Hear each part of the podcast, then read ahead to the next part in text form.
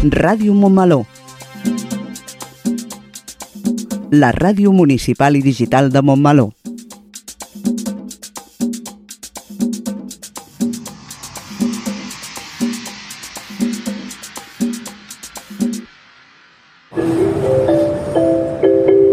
Propera parada, Montmeló.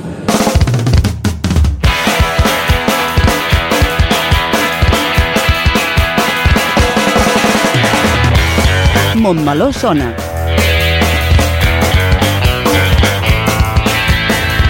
El magazín informatiu de Ràdio Montmeló.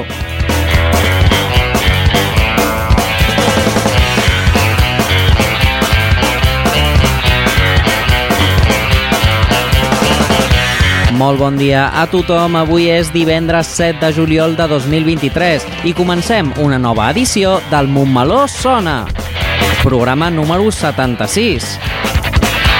Tornem al format habitual del Montmeló Sona després d'unes quantes setmanes de programes especials. Òbviament arribem de ressaca de festa major, però la setmana anterior també vam estar de festa per Sant Joan. Ens ho hem passat molt bé, però ja estem cansats i necessitem una mica de calma, sense festa i sense petards. Doncs no sé com dir-te això, però precisament avui, 7 de juliol, Sant Fermí. No hi ha manera de descansar, tu. Montmeló Sona és el magazín informatiu setmanal de Ràdio Montmeló, coordinat per l'equip de comunicació de l'Ajuntament. Avui ens acompanya la Maria Costafreda al Toquem el 2 i la Lola Robles al bloc de l'entrevista. I a la locució del programa tenim a l'Olga Coromines i un servidor, el Rubén Cantón. I una vegada fetes les presentacions, passem al sumari de continguts que tenim preparats pel programa d'avui.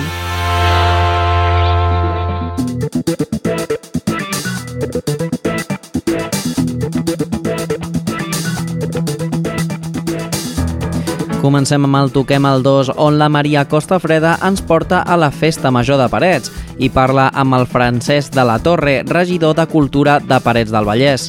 Seguirem amb el nostre espai informatiu Crònica del Montmeló, on farem un repàs de l'actualitat del nostre poble. Després farem una ullada a l'agenda d'actes que podem trobar els propers dies a Montmeló.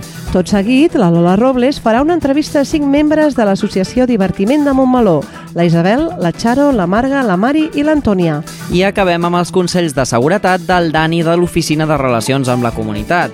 I com ja sabeu, tot això i alguna cosa més és el que trobarem al Montmeló Sona d'avui 7 de juliol de 2023.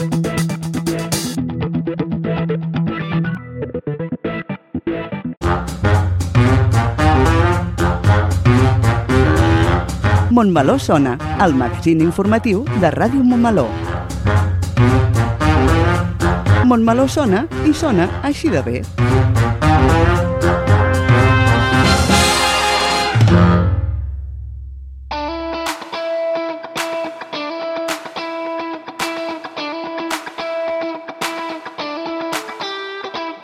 Després de la programació especial amb motiu de la nostra festa major, al Toquem el 2 tornem a les nostres recomanacions fora del nostre municipi. Una vegada passada la festa major de Montmeló, ja és un no parar que els pobles del nostre entorn celebrin també la seva festa major.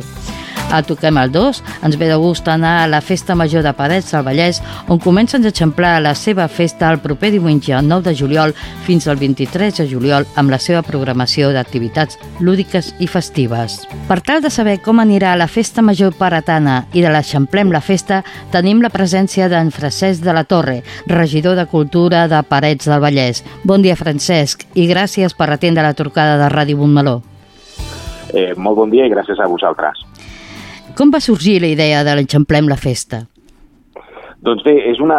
l'Eixamplem la Festa és eh, l'abans no? de la Festa Major d'estiu, ja portem uns quants anys no? fent això i és una mica doncs, un preescalfament no? per arribar a aquesta Festa Major d'estiu de, Parets, que és la gran festa, no? com a qualsevol poble, vila i ciutat de, de Catalunya.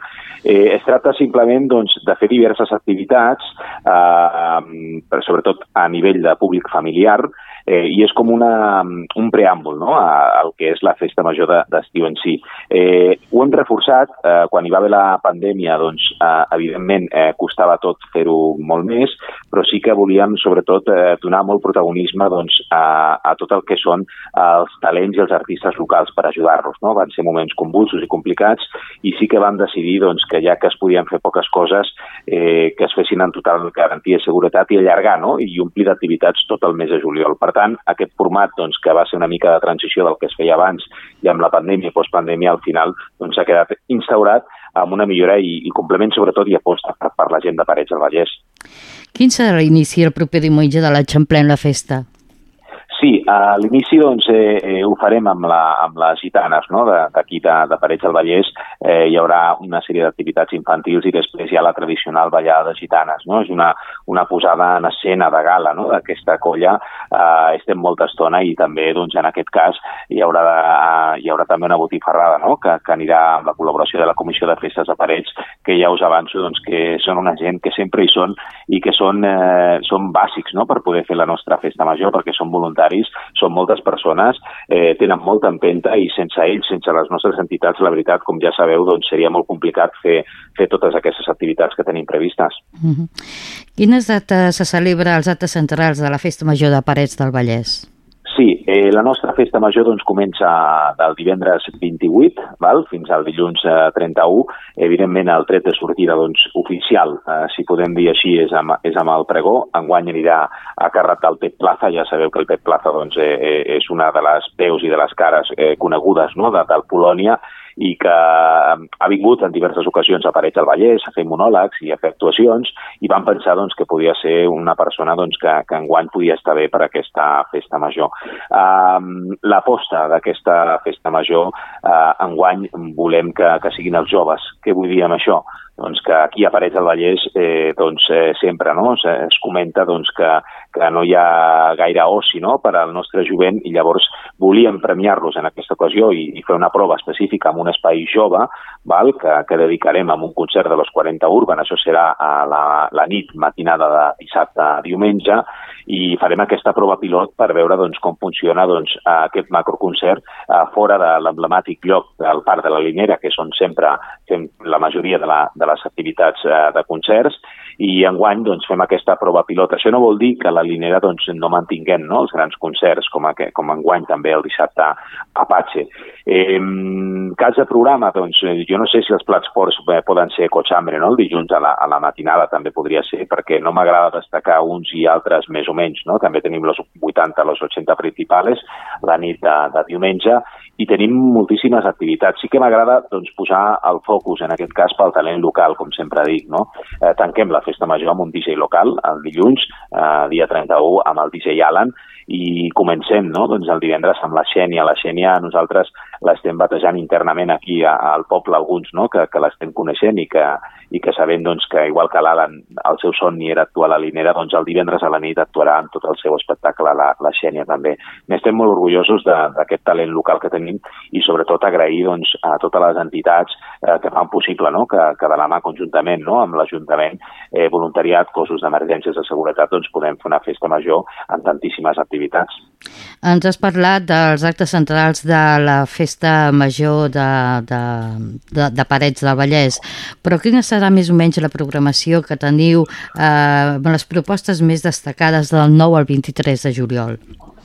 Sí, sí, eh, mira, doncs, eh, des del diumenge aquest que donem el tret de sortida, no? 9 de juliol, eh, comencem amb l'Eixamplem, que seria tot el que són totes les activitats que van abans de, de la festa major en si. Eh, L'Eixamplem eh, són els caps de setmana, en aquest cas que precedeixen a la festa major, per tant, començant eh, aquest diumenge dia 9, doncs ja ens anem el divendres 14, dissabte 15, divendres 21 i dissabte 22, eh, i diumenge també 23. En aquest cas eh, es tracta bàsicament de, de concerts, concerts per a famílies, es tracta també de cinema a la fresca i es tracta de, de megaparcs infantils i d'un tobogant inflable doncs, que com que el circuit d'aigua és tancat doncs, també, eh, tot i la sequera, el podrem eh, tirar endavant. Eh, tenim una novetat en guany, que és un family show, que és una prova que farem unes coreografies familiars que volem fer i vull destacar també doncs, eh, la participació especial eh, de, de cadança, no? que, que són coreografies no? d'una escola que tenim aquí, que és Cadança Parets del Vallès, molt reconeguda amb el, la Kiki Rodríguez, l'Andrea Molgosa i el Quique Aranda, no? i que ens faran, com sempre, doncs, doncs, una mostra de tot el que es fa en aquesta, en aquesta escola de ball que tenim aquí al poble. És privada, però sí que la posem molt en valor perquè hi ha moltes famílies paretanes doncs, que, que formen part no? I, i gaudeixen i aprenen a través del ball. També en l'Eixamplem vull destacar, si em permeteu, doncs, el concert a càrrec d'un grup local, no? que és eh, l'Ulavi, eh, que es farà el dissabte dia 22, un concert de versions al doctor Trueta, i ja entrant en si a la festa major, el que us comentava abans, el divendres, doncs, evidentment, hi ha tota la nit de, de, del teatre, no?, que es fa sempre a Parets del Vallès, la festa de la Pedra del Diable, que ja sabeu que és la, la festa emblemàtica nostra, la 28a edició enguany. Eh, abans s'haurà fet el pregó i aquella nit el que us comentava, no? doncs, eh, aquella actuació especial de la Xènia i també un tribut a Xarango. Eh? Tot això seria el divendres. El dissabte, evidentment, doncs, tenim eh, moltíssimes activitats. No vull deixar-me cap i, per tant, per destacar alguna així doncs, que, que pugui doncs, doncs, eh, cridar més l'atenció, la, eh, l'actuació no? de la principal de la Bisbal. Eh, nosaltres, a la plaça de la Vila, en aquest cas, hi ha una orquestra, després hi ha un ball i també el que us deia abans, no? hi ha l'Apache a la nit, a la Linera i els 40 Urban en aquest eh, espai nou per als joves. Uh, diumenge, doncs, diumenge mm, igual, uh, a nivell d'activitats uh, més destacades, eh, pues segurament serà eh, l'espectacle que tenim del, del Jordi LP a la tarda, per, perquè ens ho ha demanat molt la nostra gent gran. Abans hi haurà l'actuació de la Il·lusió no té edat, que és un grup de, de persones grans d'aquí de Parets doncs, que, que fan un espectacle que sempre agrada a tothom, i el concert de nit de los 80 principales. I per si és poc i encara tenim forces i encara tenim ganes, el dilluns, doncs evidentment, eh, com sempre, tanquem amb la Maravella, eh, l'orquestra i ball, tenim el castell de focs artificials, eh, el toca plegar amb la colla de gegants i diables d'aquí de, de, de Parets del Vallès i el que deia abans, l'Hotel Cochambre i el DJ Alan. Tenim, en definitiva, un programa molt complet, en deixo moltíssimes activitats, eh, us animo a consultar-les, ja ho sabeu, que, que això ho podeu consultar a la nostra web i, i també fem la bustiada, evidentment, doncs aquí al poble, a tota la, la gent, i sobretot, eh, si haig de destacar alguna cosa de la festa major, és la participació activa, no només de les paretanes i els paretans, sinó de totes les polles, entitats, eh, clubs i de tota la gent que al final fa possible aquesta festa major nostra. Francesc, a part de ser veïns, què els diries als montmelonins i montmelonines per tal de que visitin Parets del Vallès des del 9 al 23 de juliol per gaudir ja no tan sols de l'Eixamplem la festa, sinó també de tota la vostra festa major d'estiu? Doncs que facin com nosaltres, que nosaltres també venim a Montmeló quan podem, eh? que són pobles veïns, que a més eh, tenim una excel·lent relació i per tant animar-los a, a que vinguin i que gaudeixin també de la nostra festa, que també és la seva festa, evidentment, faltaria més. Eh, jo crec que són eh, dates eh, que són molt bones per les festes majors, perquè ja tothom ja té el xit, no? una mica del descans després d'un any dur doncs, de poder fer una mica de vacances d'estiu, agafen unes bones dates i evidentment esteu totes i tots convidats, també vosaltres i els vostres oients, doncs, a venir aquí a un poble amic, germà, i, i bueno, que, que estem just al costat i que ja sabeu doncs, que sereu molt benvinguts tots els que vulgueu venir. Doncs moltíssimes gràcies, Francesc de la Torre, per la teva presència a Ràdio Montmeló, per informar-nos de què és el Xemplem la Festa i de totes les activitats i actuacions de la vostra festa major. Moltíssimes gràcies a vosaltres i salutacions molt cordials a companys i companyes i també als vostres oients. Moltíssimes gràcies, Francesc. A vosaltres. Fins aquí el Toquem el 2 d'avui. Us esperem la propera setmana on es farem més recomanacions. Si ja esteu de vacances, que les gaudiu molt. I a la resta, bon cap de setmana i sobretot a disfrutar de l'estiu.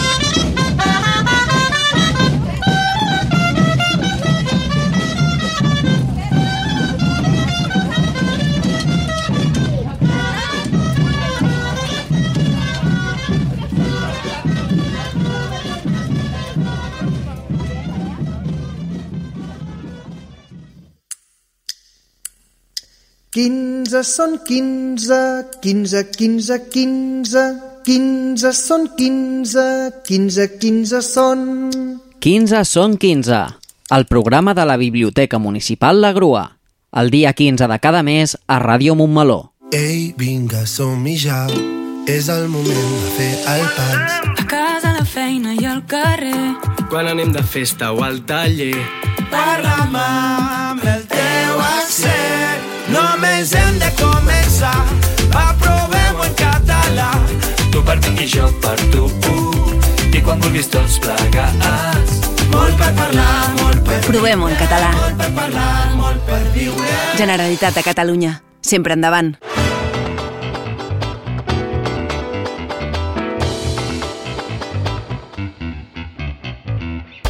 Entrem al nostre bloc informatiu Crònica de Montmeló i donem pas una vegada més a les notícies locals més destacades d'avui, divendres 7 de juliol de 2023. Aquest és el sumari. Ni la pluja ni la calor atura una festa major que ha omplert carrers i places de Montmeló durant quatre dies. La gent gran de Montmeló no atura la seva activitat durant el mes de juliol. Sergio López Palomo presenta la segona part de la novel·la Vida de Teran. La Festa de l'Esport a Montmeló tornarà a omplir la torreta d'activitats esportives. Onzena edició de les nits d'estiu a la Romana 2023 a Mons Observants. El primer cap de setmana de juliol torna el circuit d'etapes de Montmeló, onzena edició, 11 etapes. Tornen els tornejos d'estiu de futbol sala a la pista del Pau Casals. I tancarem, com sempre, el bloc informatiu amb el repàs de les activitats culturals del municipi pels propers 7 dies.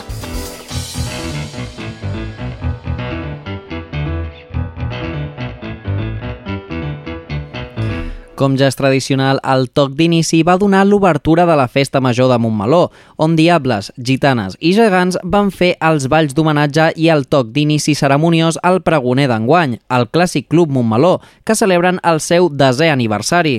La pluja va ser la protagonista de dijous, però això no va aturar la festa.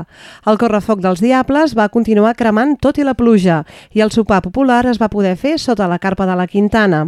A la nit, el grup La Mitjanit va fer ballar fins ben entrada la nit a tothom, sota una pluja que va refrescar els valents que es van quedar a la plaça per no perdre's la festa.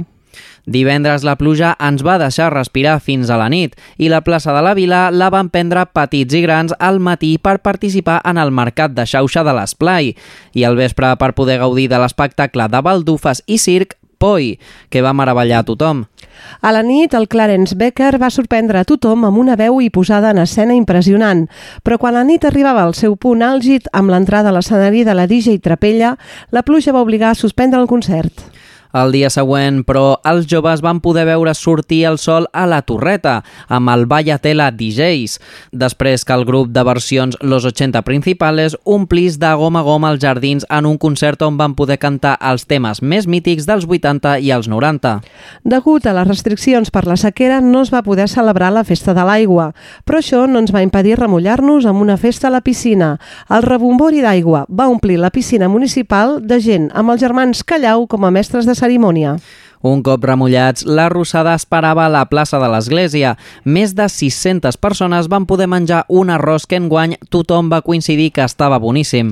Dissabte també va ser un dia amb molta cultura popular. La trobada de gegants va canviar de recorregut i les colles van recórrer tota la llosa i després al carrer Major per fer la ballada entre la plaça de la Vila i l'avinguda Pompeu Fabra. Els diables van tornar a portar l'infern a la plaça de la Vila amb el rapte, aquest any sense aigua per les restriccions per la sequera. Diumenge al matí vam fer esport amb l'Extreme Race i vam degustar els aperitius preparats per entitats de Montmeló als Jardins de la Torreta. Com cada any, la Festa Major va acabar diumenge amb el Castell de Focs de Festa Major i el Ball de Festa Major de l'Orquestra Salvatana. Amb l'objectiu de millorar la programació de Festa Major i de fer participar la ciutadania de l'organització de la festa, l'Ajuntament ha elaborat una enquesta amb diferents preguntes. El qüestionari pregunta a la ciutadania sobre els aspectes més importants de la nostra festa, espais, actuacions, activitats culturals i familiars, etc. També hi ha un espai per a suggeriments i, finalment, una invitació a formar part activa de l'organització de la propera Festa Major. La regidoria de Festes i Tradicions vol conèixer la teva opinió. Participa-hi i digues la teva a través de l'enquesta que trobaràs a la pàgina web de l'Ajuntament. Des del Casal de la Gent Gran s'han programat una sèrie de tallers per fer durant tot el mes de juliol.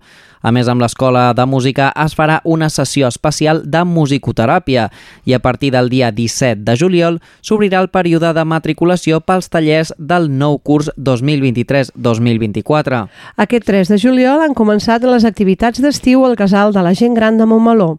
Seran tres setmanes plenes d'activitats per tots els gustos. Hi ha jocs de memòria a través de noves tecnologies i jocs de taula cognitius.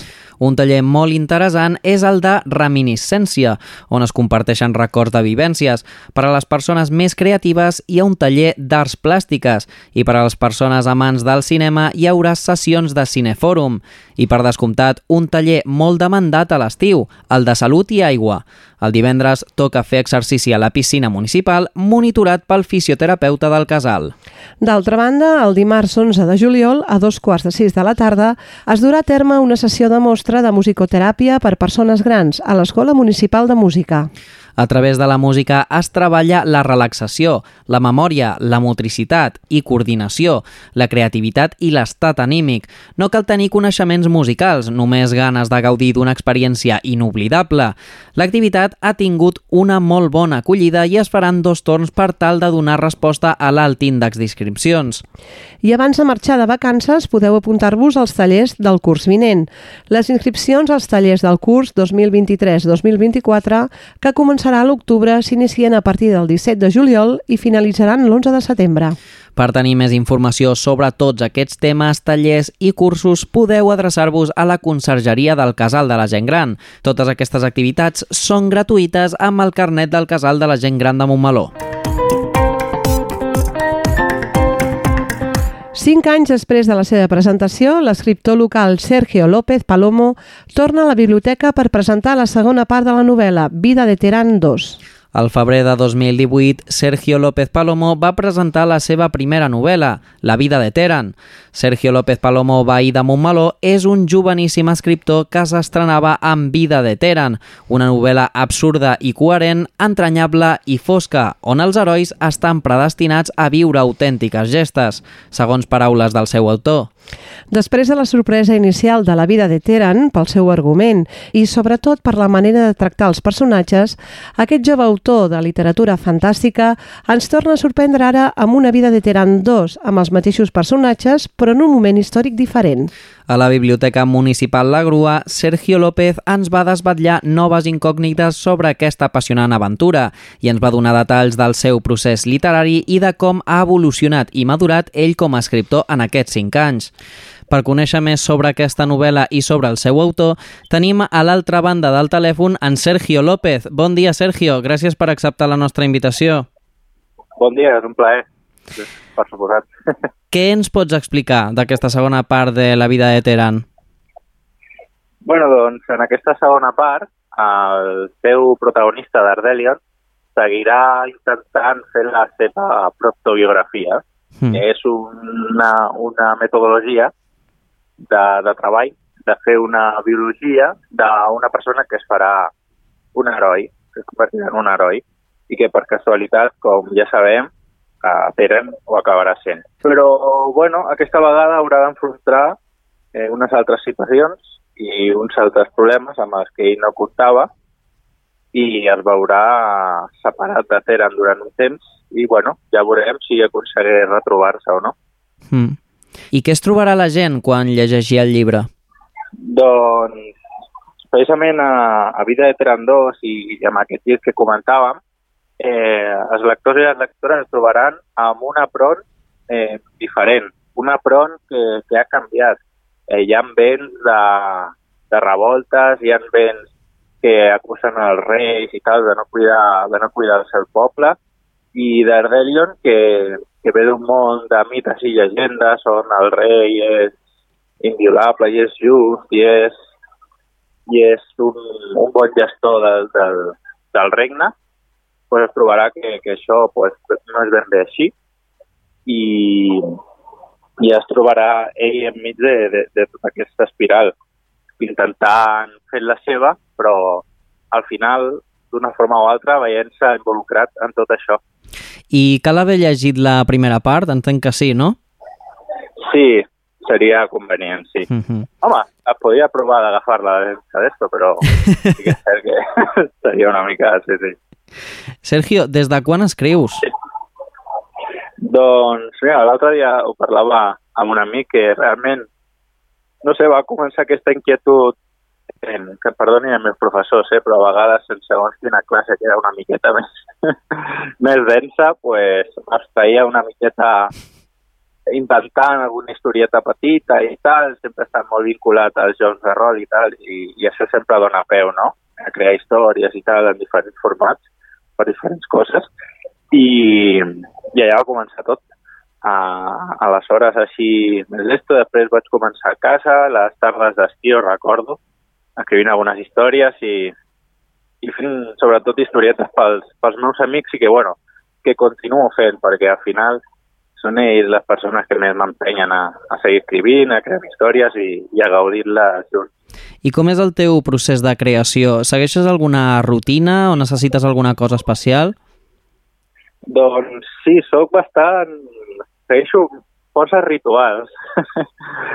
I ara, ara amb, la, amb el temps, a mesura que ja he anat aprenent, eh, soc una miqueta més flexible, però, però bueno, encara, encara ho mantinc. Jo sempre escric per la tarda, a no ser que estigui, que estigui repassant, llavors sempre faig una estona, o sigui, dino, faig una estona de videoconsola mentre prego un cafè. és, és part important del procés. Sí, sí, sí, de veritat, eh? Quan tinc, no, de la feina, pues, tallo amb això una mica, mm. una estona, una estona de videoconsola, ja puc canviar el joc, ja sí que pot variar. Pego un cafè i normalment em dutxo i després, després de dutxar-me, ja em poso a escriure. Mm. Això és una mica el, el procés, sí, sí, sí. I a l'hora de crear els mapes, sí que haig d'haver partit d'uns guions previs i tal, perquè jo posar-me a escriure la pàgina en blanc amb tot el cap sóc incapaç. Mm. Hi ha gent que ho fa, però, però jo no. I, i acostumo a fer com tres guions, un general, un intermig, per dir-ho així, i un de capítol. I ja quan tinc tot això, llavors sí que començo. Hi ha alguna cosa més que vulguis comentar sobre el llibre per als oients que ens estan escoltant? Doncs el que volia comentar és que eh, tant de bo, tant de bo, eh, eh, Front sigui un lloc on, on estigueu a gust. Si, si algú, si algú amb aquesta, amb aquesta entrevista li ha cridat l'atenció, que jo encantat de respondre qualsevol pregunta o de, o de qualsevol per si pregunta relacionada amb si li pot interessar o no, si li voleu donar una oportunitat, eh, tant de bo estigueu a gust en aquest món i, i m'encantaria veure-us per allà per, per la ciutat de Calimxan i Pron. Doncs molta sort amb aquest nou projecte que de ben segur és una molt agradable proposta literària per a aquests dies d'estiu. Moltes gràcies, Rubén. Una forta abraçada. I moltes gràcies als oients. Gràcies a tu. La Festa de l'Esport torna a Montmeló un any més. Enguany complirà la vuitena edició i tal com es va fer l'any passat, els Jardins de la Torreta colliran la jornada avui divendres 7 de juliol a partir de les 6 de la tarda. A més dels habituals premis esportistes, la festa també comptarà amb activitats per tothom. Enguany, Ràdio Montmeló retransmetrà en directe la gala amb l'equip del programa esportiu Fora de Joc. La festa finalitzarà amb un sopar popular. La jornada començarà a les 6 de la tarda amb una zona de jocs esportius. Les persones que hi assisteixin podran provar les diferents modalitats esportives que es practiquen a Montmeló fins a les 8 del vespre. A partir de les 7 de la tarda, l'equip de Fora de Joc, el programa esportiu de Ràdio Montmeló, entrevistaran els diferents representants dels clubs esportius que prendran part de la festa, així com el nou regidor d'Esports, en Laurea Ortega Sobirà. A dos quarts de nou arribarà l'acte de reconeixement als millors esportistes i equips del municipi, que seran premiats per la temporada 2022-2023. La gala serà retransmesa en directe per l'emissora local. Finalment, l'embol de la penya blaugrana organitzarà un sopar popular per tancar la festa. Els tíquets pel sopar es poden adquirir el mateix divendres a la Torreta.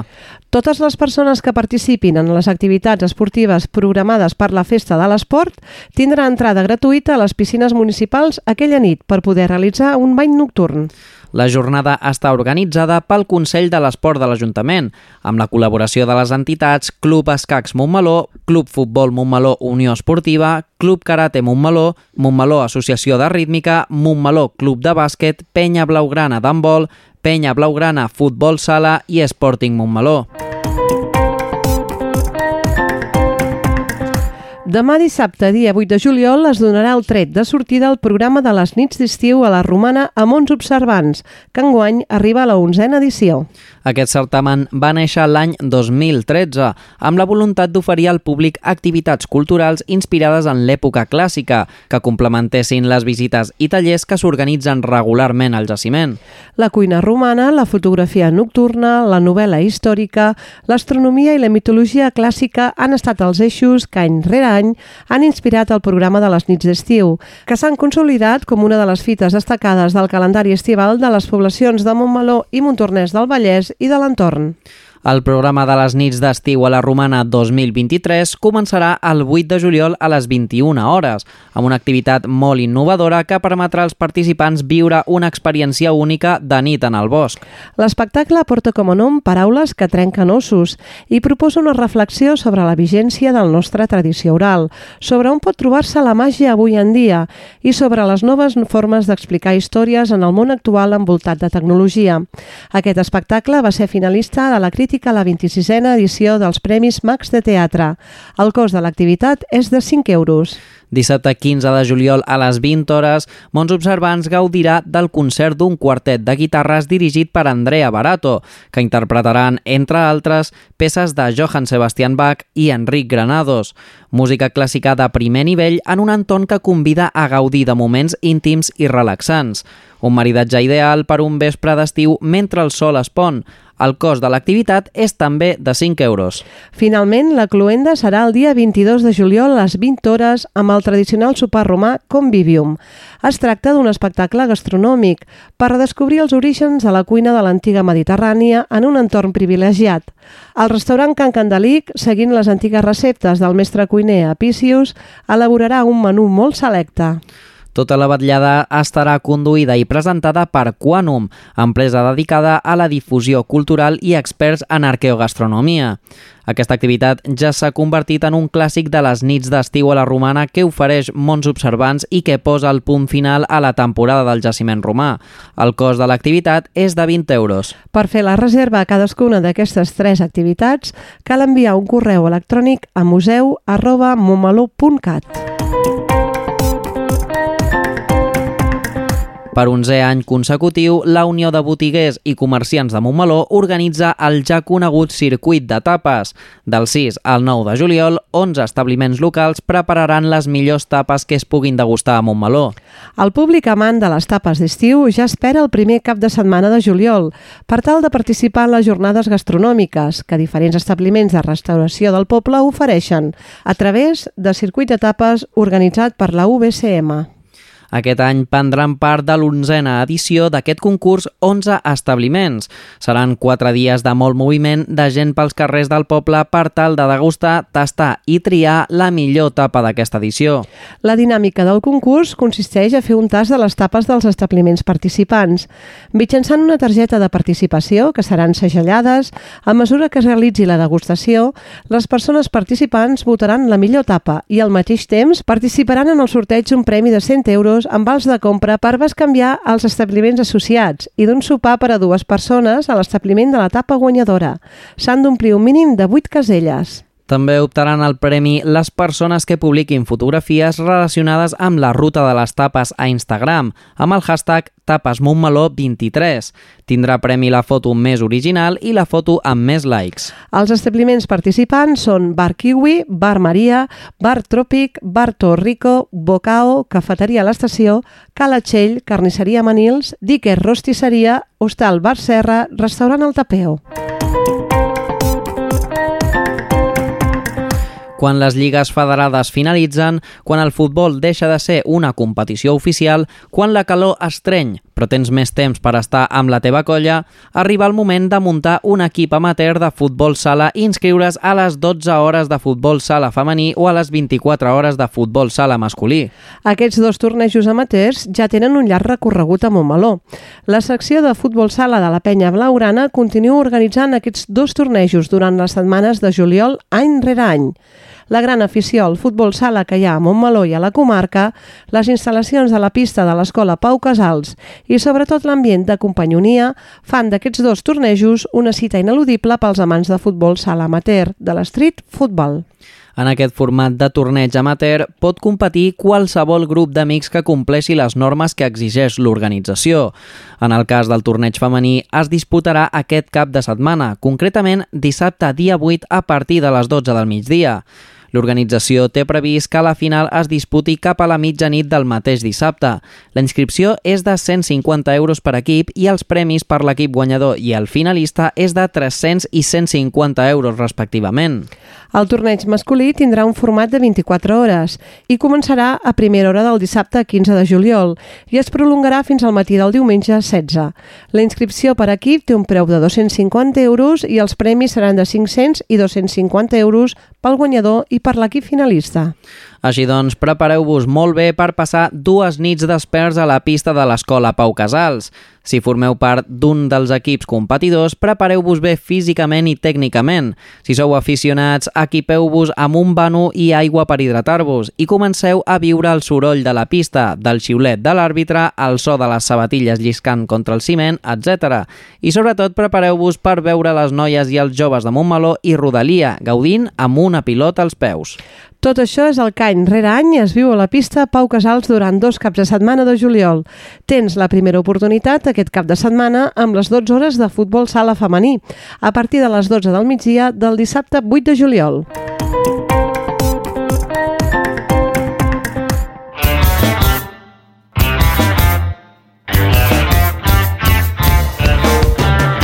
Iniciem el bloc de l'agenda d'activitats culturals des d'avui dia 7 de juliol fins al dissabte 15. Una agenda farcida d'activitats esportives, a més d'altres activitats de lleure i solidàries a l'aire lliure o de nit. D'algunes activitats ja hem fet esment durant el bloc de notícies, però les tornarem a recordar encara que sigui de manera breu. Començarem amb l'activitat més immediata que és avui mateix. Es tracta de la celebració de la Festa de l'Esport, organitzada pel Consell de l'Esport de Montmeló. Com ja hem assenyalat, a partir de les 6 de la tarda, la torreta s'omplirà de jocs esportius. La canalla que hi participi rebrà a canvi una entrada per un bany nocturn a les piscines municipals. A les 7 de la tarda començarà el programa especial Fora de Joc, dels companys Marçal i Pablo, que entrevistaran els protagonistes de la Festa de l'Esport i que retransmetran la gala en directe.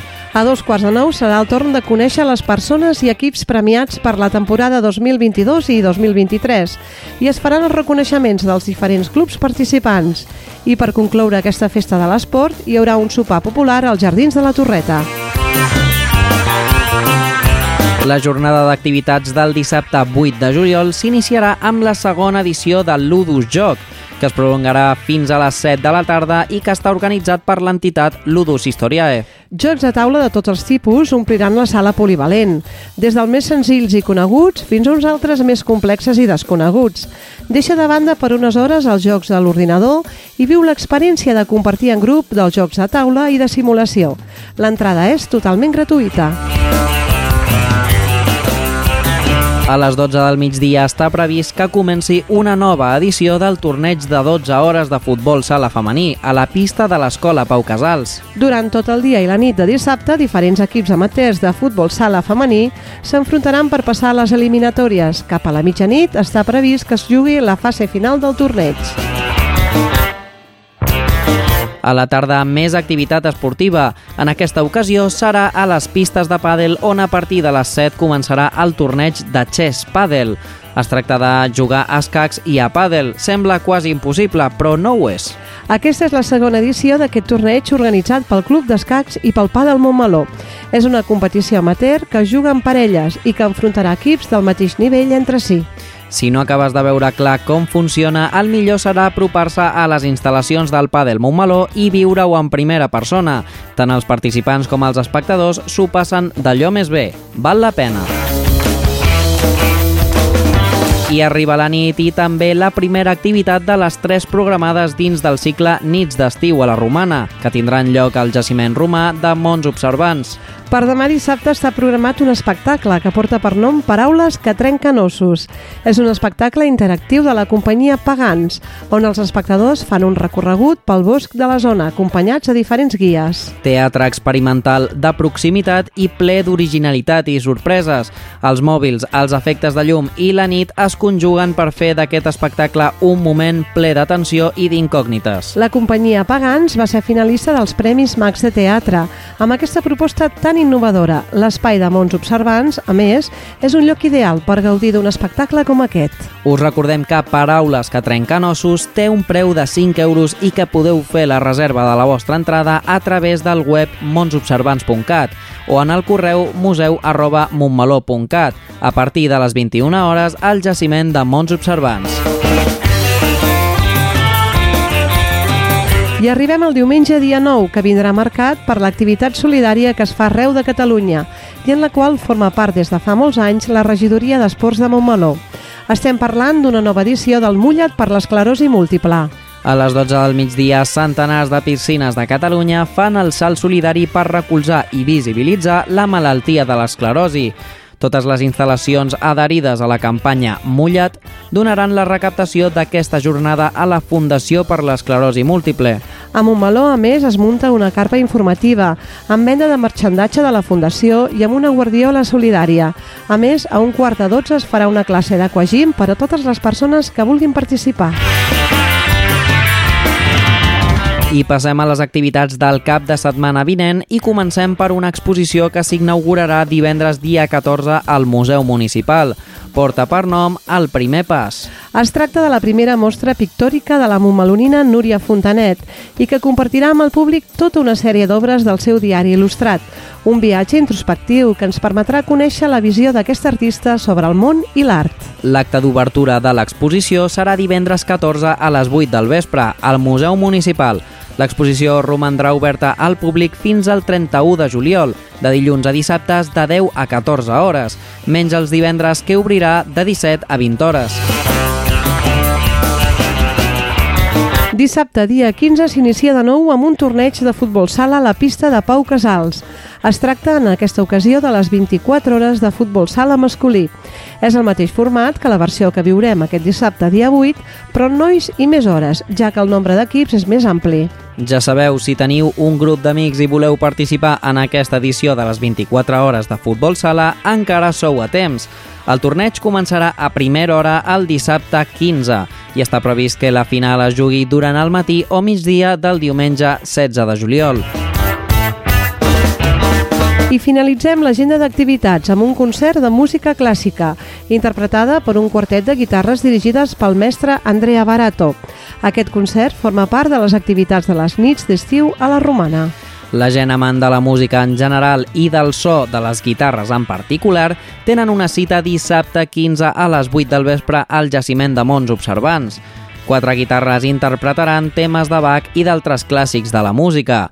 Un espai idíl·lic per veure com es pon el sol amb música. Aquesta activitat, al igual que l'espectacle Paraules que trenquen ossos, té un preu de 5 euros i podeu fer la reserva de la vostra entrada a través del web monobservants.cat o en el correu museu arroba montmeló.cat. Tot això és el que ens espera a Montmeló durant els pròxims dies. I tot això i algunes coses més les podreu veure, sentir i llegir a les xarxes municipals i al web montmeló.cat o a l'agenda mensual. La propera setmana tindreu més notícies i activitats del nostre municipi.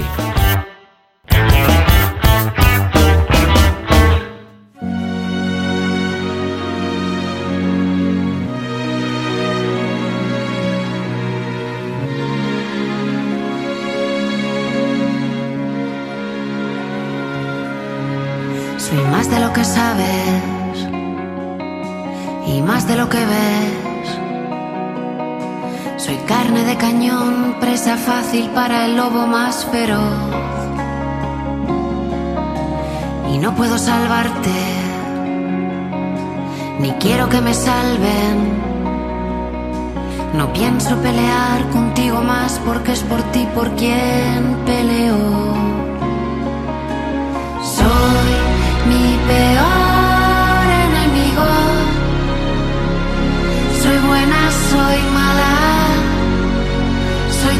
Soy nada. Soy la perra del hortelano. Un corazón asilvestrado y algún pecado no confesado.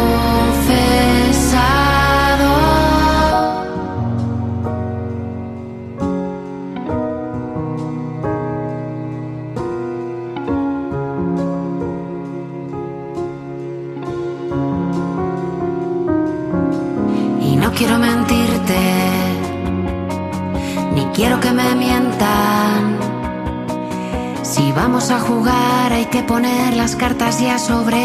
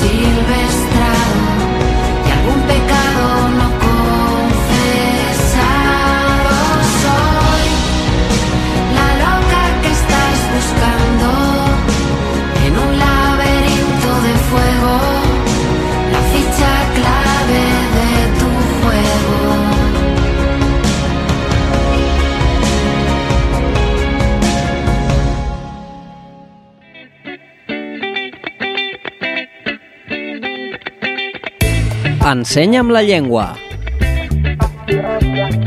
Un programa de l'oficina de català amb Susana Corxo. El tercer divendres de cada mes a les 5 de la tarda. Al meu país la pluja no sap ploure. El canvi climàtic asseca els rius. Posa en risc l'abastament d'aigua i la producció d'aliments. Treballem per fer front a la sequera i garantir l'aigua, però cal l'esforç de tothom. Cada gota compte. La pluja no la controles, l'aixeta sí. Generalitat de Catalunya.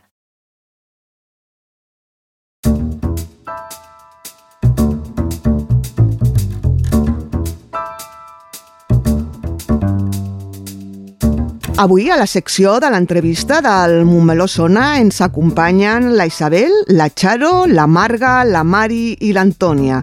Totes elles membres de l'Associació Divertiment de Montmeló, entitat oberta a tothom on l'objectiu principal és, com bé diu el seu nom, divertir-se. Bon dia. Bon dia. Bon dia.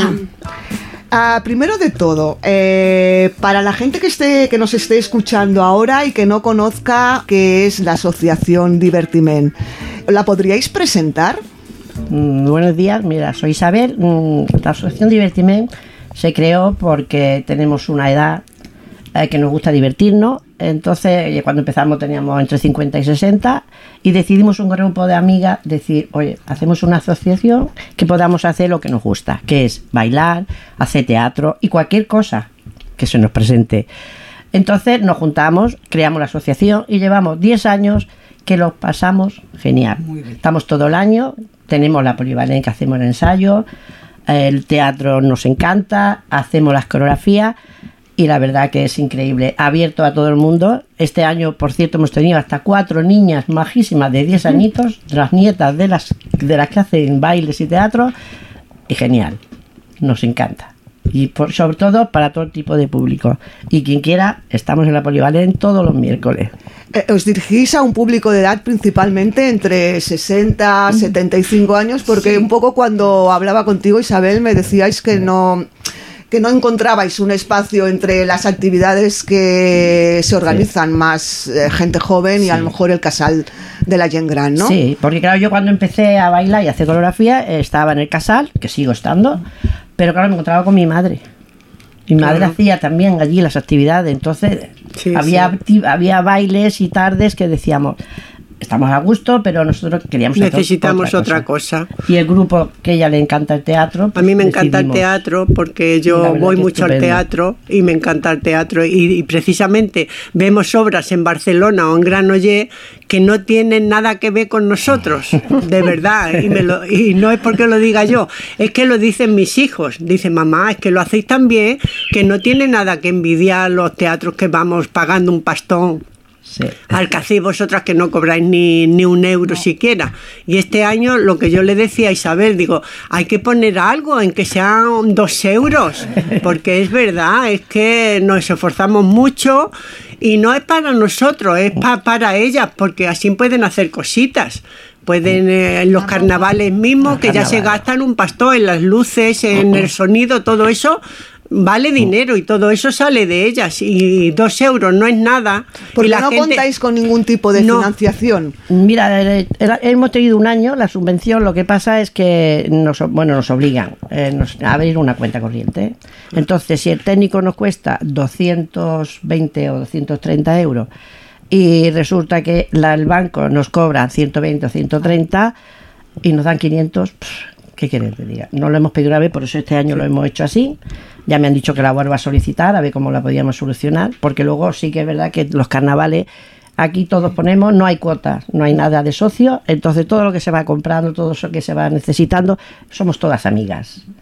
Lo convencionamos entre todas, una se encarga de una cosa, otra de otra, por eso hasta ahora lo hemos hecho así. Porque ¿cuántas personas integran eh, Pues- Divertiment? ¿Y, y qué tipo de actividades hacéis? ¿Habéis hablado de sobre todo de baile y teatro?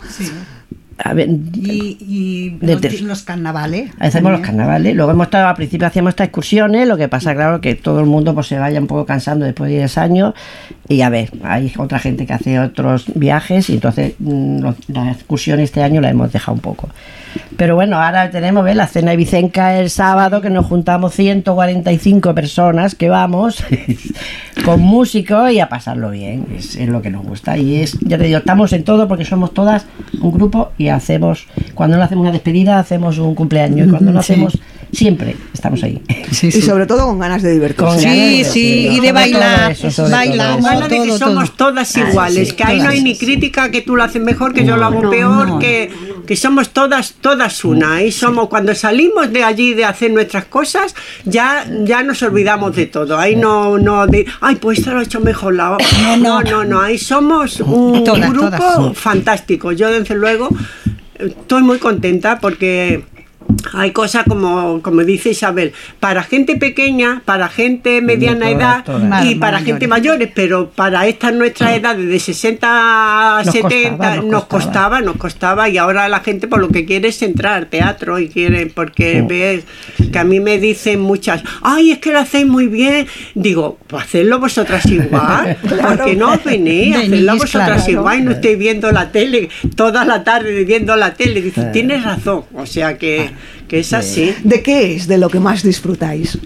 Yo disfruto del teatro sobre todo. Nosotros nos Nosotras el baile, nosotras el baile. Oh, bailamos todo, teatro. todo. Hacemos Nosotros- yo el teatro, El yo teatro, me encanta hacer sí. teatro. Y, y mi nieta Sí. este año ha empezado a hacer sí. el teatro y la verdad es que le. Prepara para el año que viene. ¿Verdad? Y prepara para que el año que viene sea un poquito más largo Sí. lo de ella. Su papel. Las niñas Sí. decían, dice, es que nosotros nos divertimos con las abuelas, nosotros no, que- no queremos ir con las niñas. O sea, que hacéis también un- un- una actividad intergeneracional, Sí, ¿no? sí, Donde no sí. solo No, no, o sea, no. hay personas mayores y, y- todo, niños y Sí. niñas. Y si tú quieres ir, pues puedes ir. También. Que no te creas porque tú seas joven, no puedes ir, Ah, que no. exactamente igual. Sí. Allí puede entrar todo el mundo. Y todo el que traiga una idea y bien recibida, ¿eh? porque a veces hacemos, tenemos una obra o tenemos un baile, pero que si tú vienes y me dice una persona, oye, mira, tengo este esquí que me gusta porque me gustaría... Ahí está Divertimen para Claro, hacerlo en el festival. Sí, claro. Este año la Eli, hoy nos gustaba cómo se trataba de esto, Aladín, hoy el cuento Aladín, ¿qué baile? Oye, la Oh, Eli de la... de- estupendo, la danza este- del vientre. esto. Entonces siempre procuramos, por eso no es que seamos solo nosotros, abiertos a todo.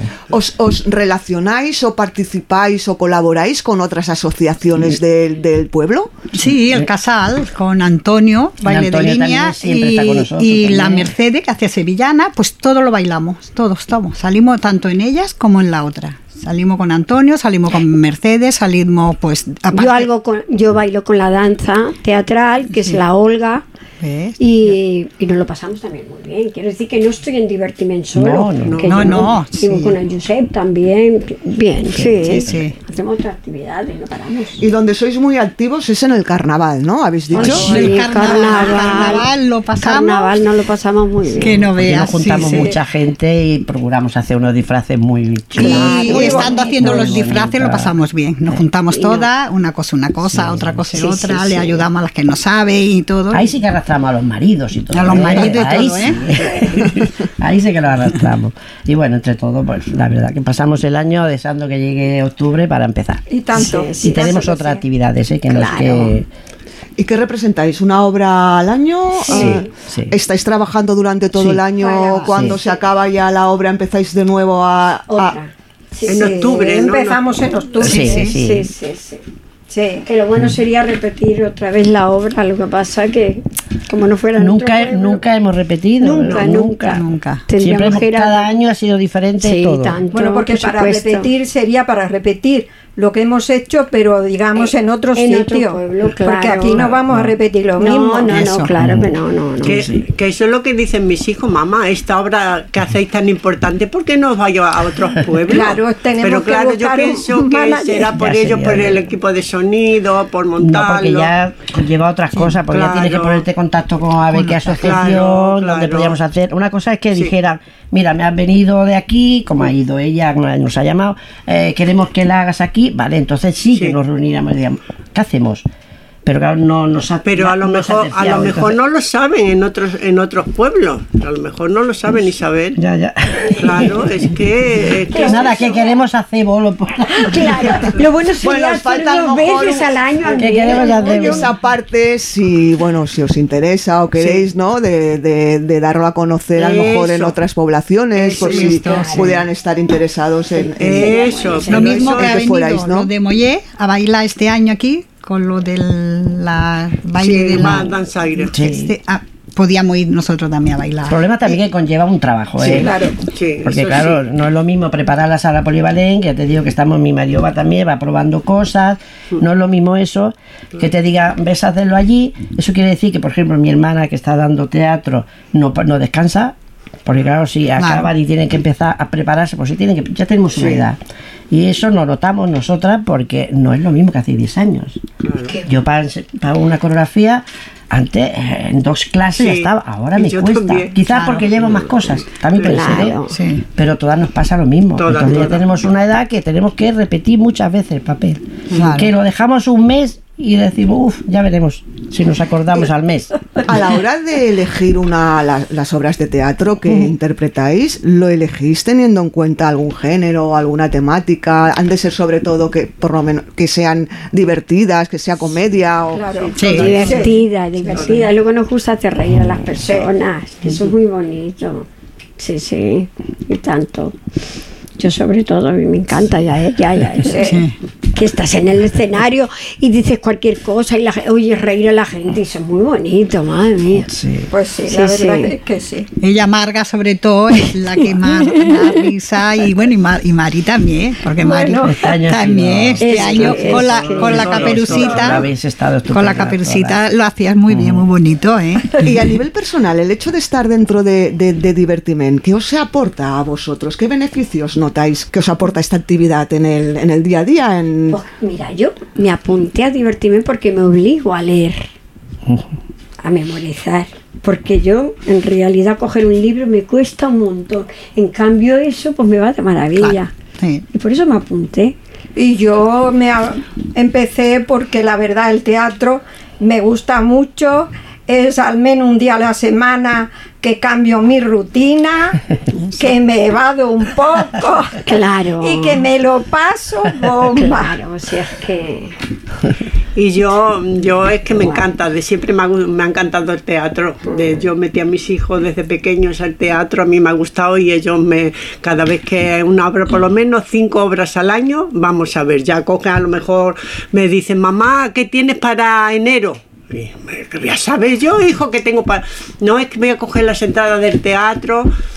Y, y nada, me ha encantado y a mí me encanta, yo me subo al escenario y yo ya me olvido de todo, me olvido de la gente, me olvido de todo. Ahí dicen que se ponen nerviosa y yo no, yo, yo tranquila. Ahora no me puede estar, cuando yo voy a salir, no me pueden preguntar, ay, ¿cómo, cómo estoy? ¿Cómo, cómo me va el vestido? ¿Cómo? Yo le digo, "Ch, dejarme tranquila, ella lo sabe, que a mí me ponen en un sitio sola y yo salgo y me Sí, puedo estar... Yo, yo soy feliz, soy feliz porque me olvido de todo. Es- Este año he hecho de Aladín y yo Sí, Aladín, bueno, yo me imaginaba que el desierto y que... Claro. Sido fantástico. Y, y cuando hicimos de época, eso es lo mío. Yo en otra época he tenido que ser una gran señora.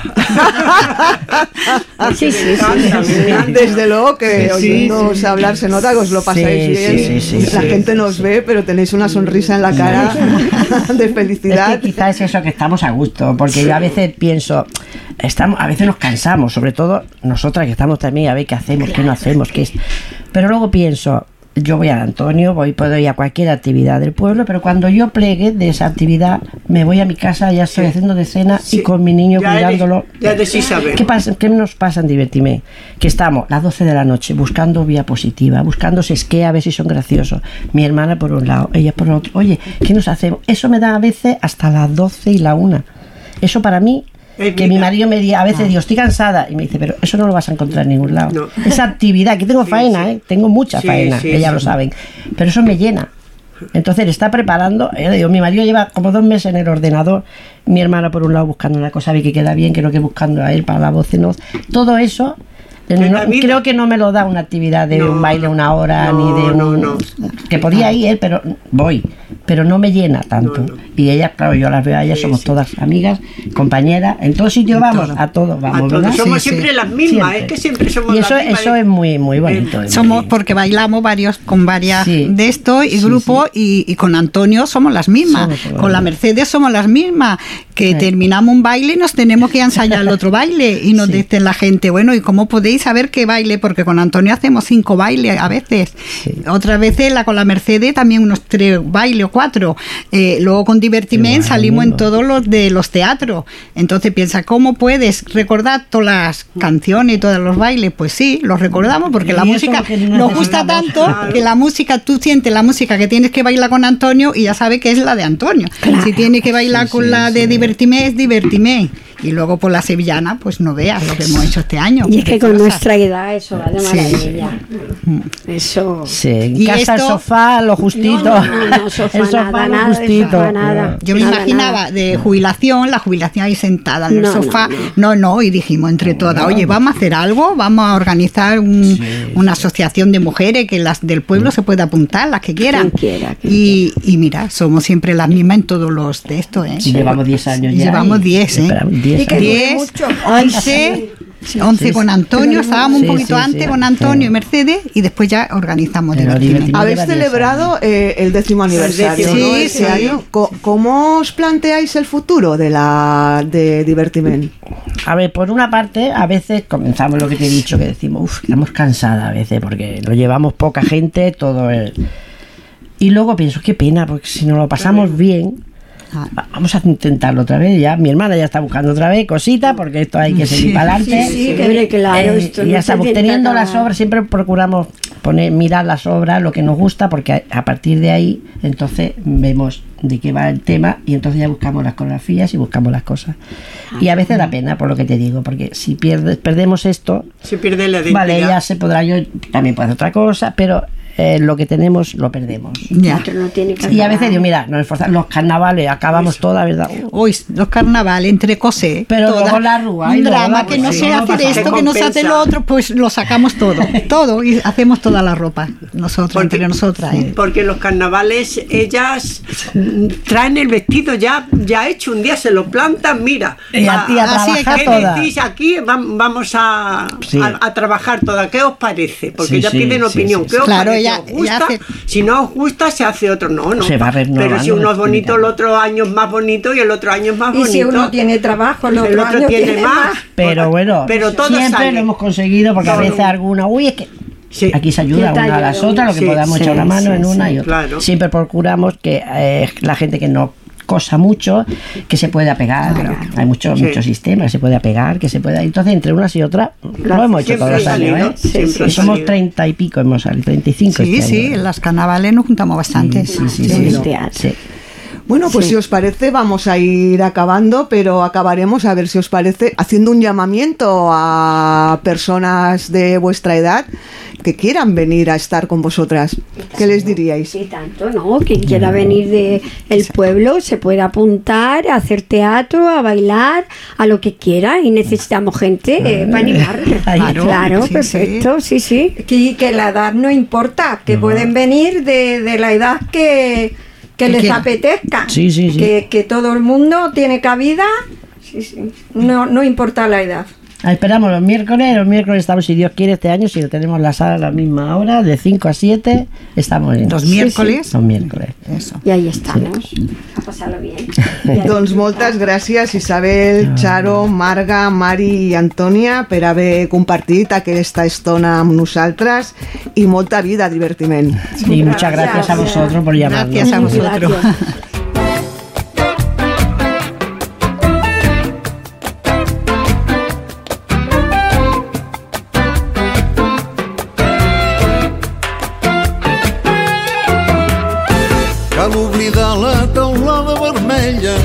i la finestra en flors.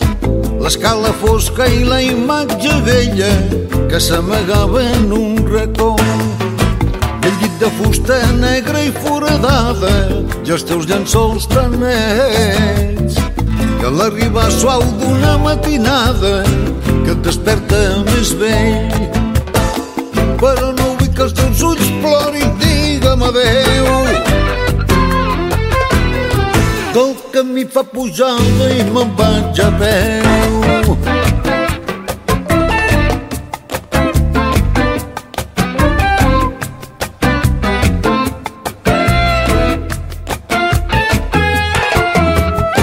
Cal dir adeu a la porta que es tanca i no hem volgut tancar. Cal omplir el pit i cantar una tonada si el fred de fora ens fa tremolar. Cal no escoltar aquest gos que ara borda lligat en un pal sec i oblidar tot d'una la teva imatge i aquest petit indret. Però no vull que els teus ulls plorin, digue'm adeu. Ai, que el camí fa pujada jo me'n vaig a peu. El camí fa pujada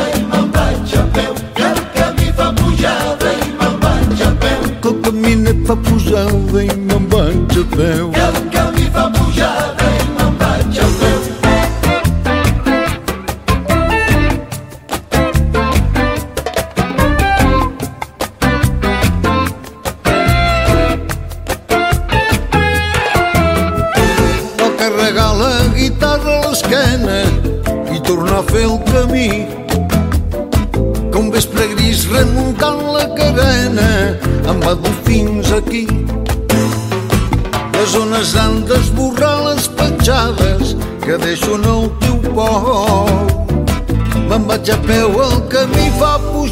pujada i a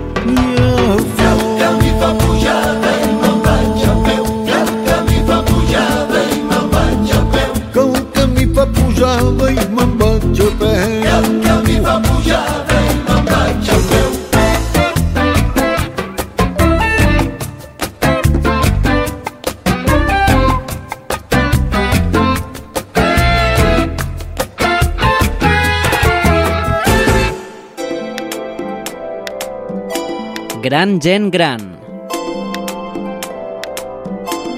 El magazín del col·lectiu de pensionistes. El dia 1 de cada mes a Ràdio Montmeló. T'imagines un lloc on descobrir, on explorar? Un lloc on llegir, aprendre i compartir? Tot això i molt més a la teva biblioteca.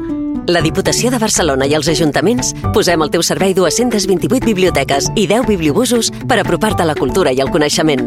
bibliotecavirtual.diva.cat Diputació de Barcelona.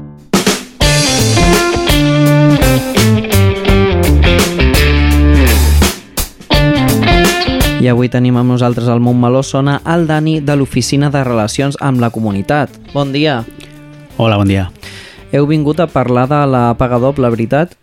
Així és, la paga doble que enguany, bueno, com dos, dos cops a l'any, doncs afecta bàsicament el, el col·lectiu de persones grans, eh, tant al novembre com, com ara al mes de juny, i bé, des del cos de Mossos d'Esquadra, doncs, eh, com cada any ho fem de forma regular, ja ho venim fent, de fet, eh, durant tot l'any, doncs, treballar una miqueta totes aquelles entitats que estan relacionades amb aquest col·lectiu, com poden ser, doncs, evidentment, les entitats ban eh, bancàries, com poden ser fleques de pa, perruqueries, eh, bueno, una sèrie d'establiments comercials que estan íntimament relacionats amb, amb el col·lectiu de persones grans. Eh, intentem doncs, donar aquests consells de, de seguretat o, o conscienciar una miqueta doncs, a, al comerciant mm, bàsicament per, per, bueno, per també fer una miqueta de pedagogia no? de, doncs, que quan ve el client per exemple l'entitat bancària doncs, no intenta treure tot, tot l'import de cop intenta sempre doncs, que vinguin acompanyats i sobretot també que estiguin una miqueta atents doncs, a qualsevol persona que pugui que pugui estar seguint o en actitud d'espera o vigilant doncs, eh, envers la víctima. Moltes vegades el fet delictiu, el fur o el robatori violent no es produeix eh, a les portes de l'entitat bancària, sinó que l'autor doncs, segueix a la víctima fins al portal de casa i és allà, a l'interior del portal o bé a l'ascensor on consuma el fet. Llavors, doncs, mm, bàsicament eh, és el fet de, de, de venir, d'anar a treure a l'import doncs, acompanyats per persones de confiança, ja siguin fills, ja siguin eh, amics o veïns de tota la vida i no intenta no treure-ho de cop. I sí que és cert, mm, també és important el fet de fer eh, el, el recorregut directe, és a dir, anem al banc i del banc tornem a casa. Si després hem d'anar a prendre un cafè o a donar una volta, doncs ho farem, però és important que tenint diners mmm, estiguem el, el mínim de temps possible amb una quantitat important de diners al carrer. Llavors, si sospitem doncs, de qualsevol persona que ens pugui fer un seguiment o que ens estigui vigilant, doncs, mm, bueno, entrem a algun establiment, demanem ajut, truquem al 112 i recordar sobretot el, el telèfon d'emergència. Del 112, un telèfon gratuït, un telèfon que té cobertura i que no ens molesta per res, vull dir, és un, és un ús que s'ha de fer de, del telèfon d'emergències davant de qualsevol sospita, és a dir, no hem d'esperar que el fet eh, sigui consumat, sinó que davant de qualsevol sospita, davant de qualsevol sensació d'inseguretat que pugui tenir la víctima, doncs una trucada al 112. La patrulla s'adreçarà al lloc i farà les comprovacions pertinents. Hem de tenir alguna cosa més en compte en relació a, a la paga doble?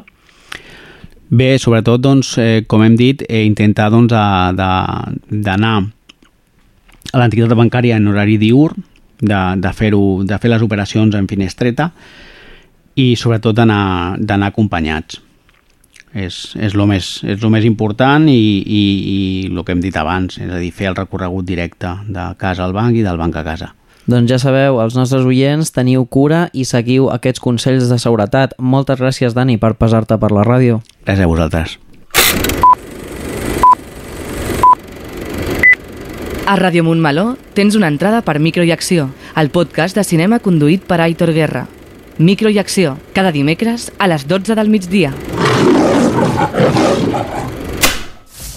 Corre. L'esport per mi ja és una forma de viure. Jo no em plantejo viure sense fer qualsevol tipus d'esport. Desconnexió. Deixar de banda tot el que hagi passat al llarg del dia i poder-me centrar en alguna que al final em fa feliç. Mou-te. L'esport t'ensenya a superar-te, a afrontar reptes i aconseguir els teus objectius. Uh, tinc tot el dret de poder patinar. Jo, quan era petita, no tenia referents femenins. Ara tinc a, a dones amb qui fixar-me i dir buah, jo vull ser com ella. Activa't. Realment hi han coses més importants que fer esport? És una part molt important de la nostra vida. Viu! No ho deixis perquè algun dia podries ser tu referent per altres nenes petites. Fes esport, el que més t'agradi i sobretot no ho deixis. És superimportant en totes les etapes de la nostra vida. Corre. Mou-te. Activa't. I viu. La Diputació de Barcelona amb l'esport femení.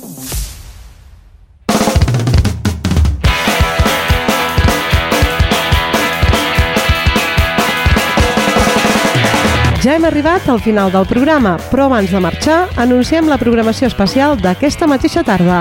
Avui mateix, anunci important, perquè emetrem en directe i a la fresca des dels Jardins de la Torreta i a les 19 hores un especial del programa esportiu Fora de Joc, amb motiu de la Festa de l'Esport, com ja hem comentat a l'informatiu.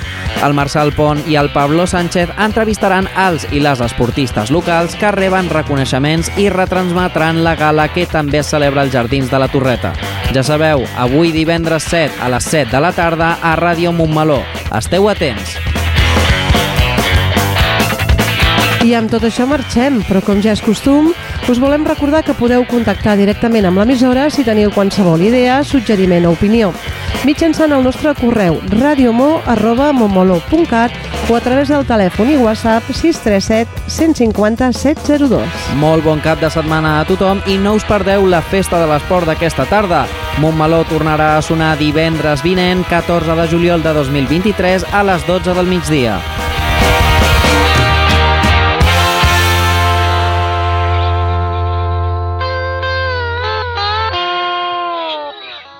Ahora sí, ¿eh? Va.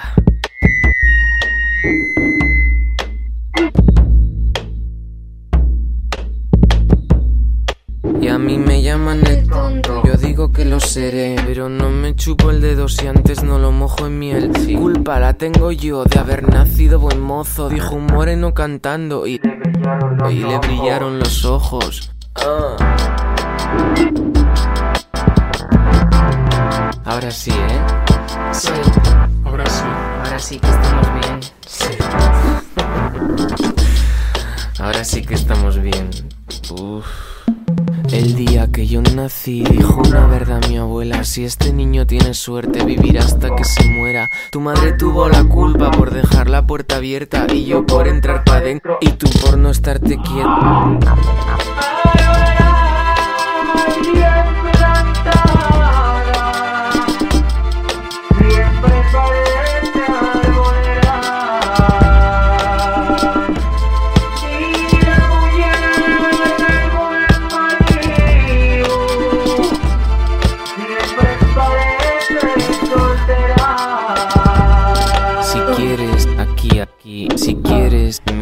Y si quieres, entre mis piernas, mañana por la mañana. 100 años. Uf. Después de 100 años. Que después de 100 años muerto y de gusanos comidos, comidos, se encontrarán en mi cuerpo señas de haberte querido.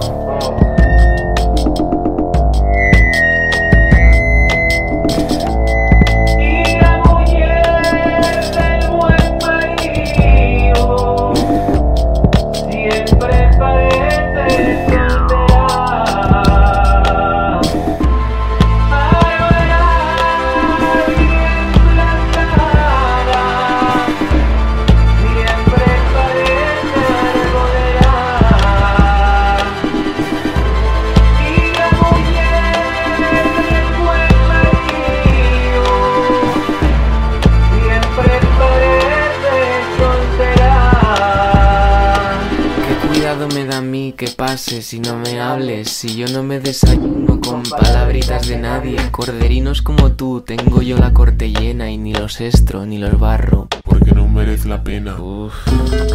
Eh. Eh.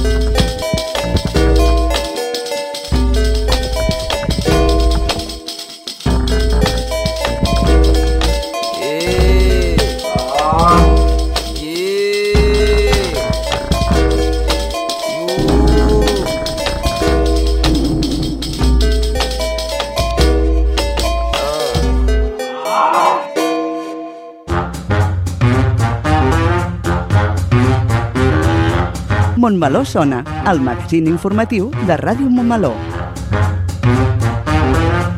Montmeló sona i sona així de bé.